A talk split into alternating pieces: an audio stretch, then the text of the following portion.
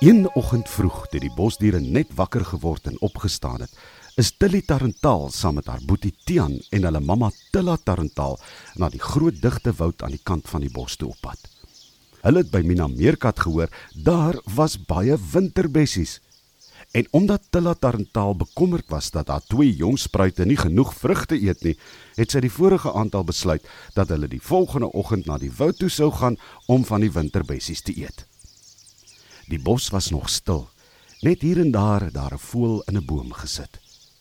Omdat die oggend koel was, het 'n mistigheid soos 'n wolkie tussen die bome gehang.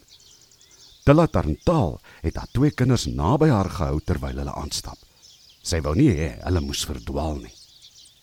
Toe hulle halfpad is, het die sonnetjie sy kop by die bakkraans begin uitsteek en Tilla het gesien dat die twee klein tarantaaltjies al lekker moeg is. Mamma, sê Tilly toe hulle by 'n groot boom met skala oorhangtakke kom. Mamma, kan ons nie net 'n bietjie rus nie? My bene kan nou nie meer nie. Seker my kind, sê Tilla en kyk vinnig rondom of dit veilig is. Sit julle twee nou hier langs die stam van die boom. Ek gaan net vinnig tot daar langs die kant van die bome stap. Ek wil net kyk hoe ver ons nog moet stap. Die twee talentaalkinders het langs die boom gaan sit en toe is Tilla Tarantaal daar weg. Dit was nie lank nie toe hoor Tilly en Tian 'n vreemde gekerm in die takke agter hulle. Ooh, ooh, hoor hulle. Wat maak so Tian? vra Tilly en wil sommer onder haar boetie se vlerk inkruip. Nee, ek weet nie, sê Tian Tarantaal en staan sommer op om rond te kyk. Dit kom hier uit die takke agter ons. Hallo, julle liewe kinders. Hoor hulle skielik. Uh, hallo, sê Tian en stap nader aan die vriendelike klank. Uh, wie is jy? Ooh, ooh, my naam is Sarel Lang en ek sit vas in die takke. Help my asseblief. As ek nie hier los kom nie, sal ek doodgaan van die honger. Nou hoe het jy jou so sleg geknoop? vra Tian en stap nog nader. Ek wou verlede nag hier in die boom slaap en toe ek vanoggend wakker word, was ek so geknoop, sê Sarelslang en sy klein tongetjie met die vurkie aan die voorpunt flits so in en uit by sy mond. "Dis nou sleg," sê Tian. "Wag, laat ek kyk of ek jou nie kan help om los te kom nie." Dis net wat Sarelslang wou hê.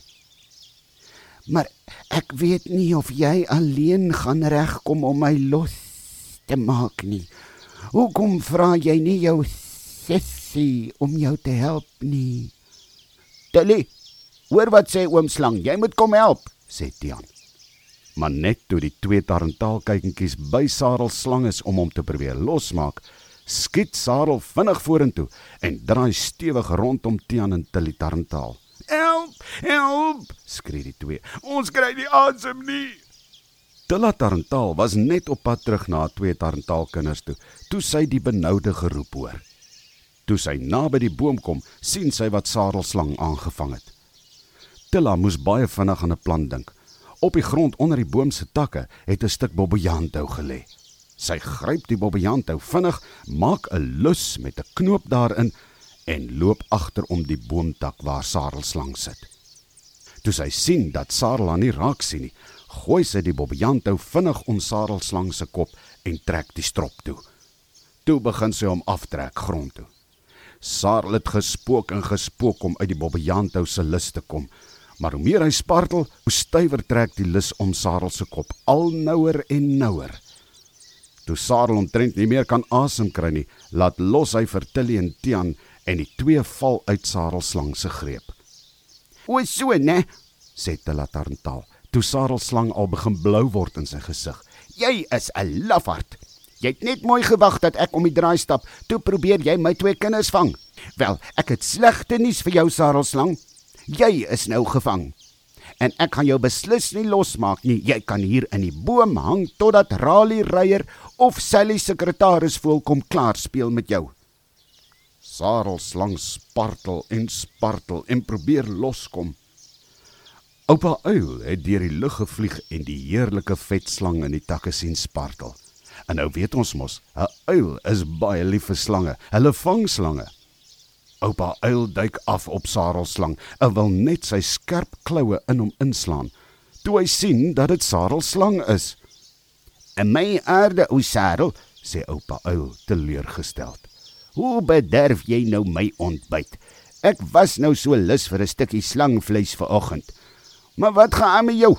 Hoekom sit jy so in krul? Net toe kom Tilla Tarantaal uit die digte takke waar sy haar twee kinders gaan wegsteek het. Nee, vra jy, oupa uil, sê Tilla Tarantaal. Ons het hier deur die bos gestap en toe is hy mos groot meneer. Hy het net gewag dat ek weg is. Toe probeer hy my twee kinders vang. Nee, dit is nie mooi van jou nie, Sarelslang, sê oupa uil. Jy weet mos koning Louis het al hoeveel keer oor die ding gepraat. Ons bosdiere eet nie mekaar op nie. Ons lewe in vrede hier met almal saam. Oupa Uil het die bobbejaantou om Sarel se nek losgemaak sodat hy kon asem kry. En toe, wat het jy vir jouself te sê? vra oupa Uil vir Sarel slang. Ek het sommer lus en eet jou op. Sarel wou eers wegseil, maar hy was so gedaan van die gespartel dat hy net daar onder die boom gelê het. Ou Sarel was baie skaam. Ek is baie jammer, Tilla, 'n klein Tilly en Tian.